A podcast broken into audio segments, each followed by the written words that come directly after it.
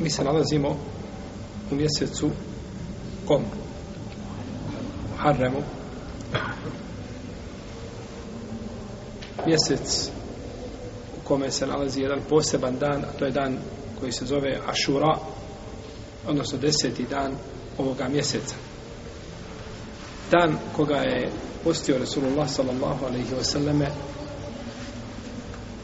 nakon što je došao u Medinu i vidio židove da ga poste, pa je pitao zbog čega poste taj dan. Pa je rekao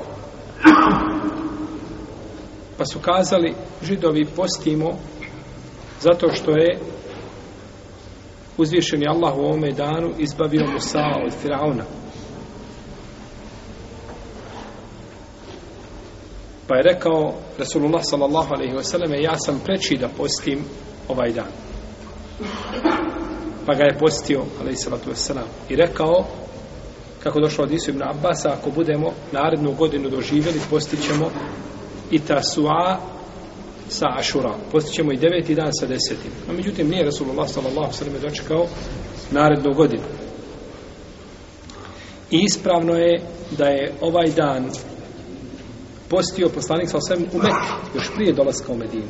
Tako došlo kod Buharije u Sahihu da je poslanik sa svem postio ovaj dan još u Mekki. A pa međutim, pitao je židove po čega ga postaje, pa kažu postimo ga zato što je Allah tom danu izbavio Musa od Firauna, pa je Rasulullah s.a.v. rekao mi smo preći da ga, mi smo preći Musa od vas.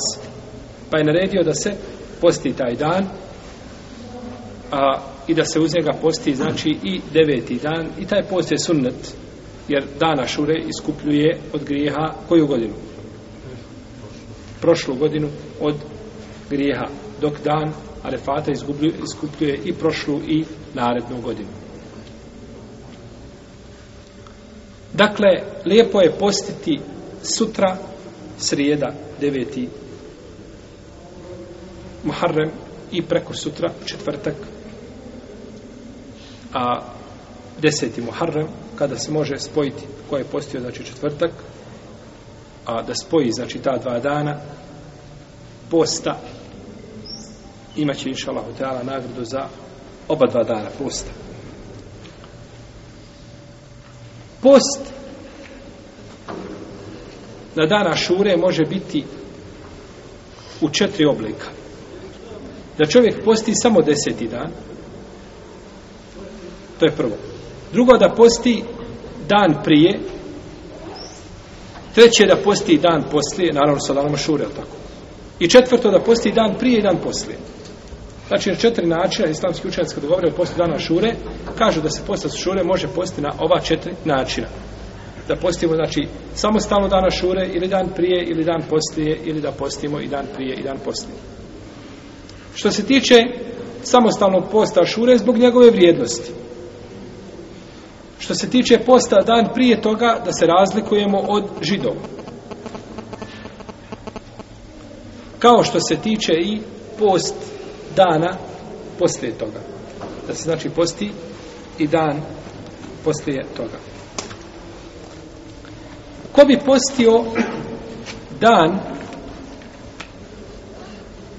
prije Ašure, time bi se razlikovao od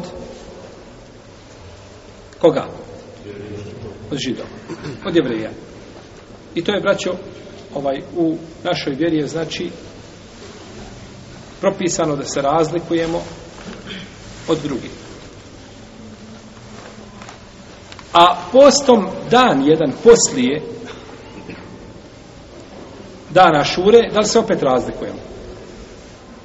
Opet je razlika. Znači nije taj dan pona osob, nego je opet razlika. Iako nema smetnje da čovjek ovaj posti taj dan samo zasebno, ali je preče da doda još jedan dan prije toga.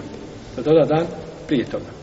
Što se tiče dana posta poslije Ašure, jedan dan poslije Ašure, navodi se u hadisu koga bliži imam Ahmedu Abbas, da je poslanik s.a.v. rekao, postite dan Ašure i razlikujte se od jevreja. Postite dan prije ili dan poslije. Tako je došlo kod imama Ahmeda u njegovom muslimu. No, međutim, ovaj hadis je daif. U njegovom lancu prenoslaca ima Mohamed ibn Abdurrahman ibn Ebi Leila, koji je poznat kao slab prenosilac koji imao slabo pamćenje. A ispravni hadisi ne spominju dan poslije. Ispravni hadis, iako je šeha Ahmed Šakir u svojim opaskama na Musab kazao da ovaj hadis da je dobar, međutim ispravno je da je Mohamed ibn Abdurrahman ibn Bilejla da je, da, da je ravija koji ima slabo pamćenje, pa se njegovi hadisi ne mogu znači uzeti kao validni. Pa dan poslije, dan poslije posta Ašure nema osnove u sunnetu. Pa ko bi postio dana šure i nakon toga da doda dan kasnije da se razlikuje, ne smeta. No međutim, preče je postiti šta?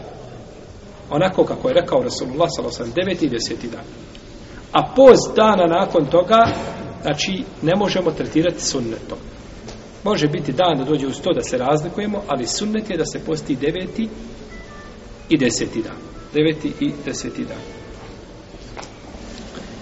Neki učenjaci kažu, onaj ko posti dan prije i dan poslije, on je uradio jednu drugu stvar, a to je da je postio tri dana u mjesecu.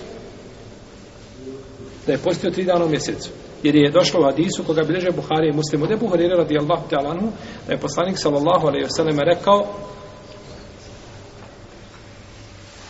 Oporučio mi je moj bliski prijatelj Rasulullah sallallahu alaihi wasallam tri stvari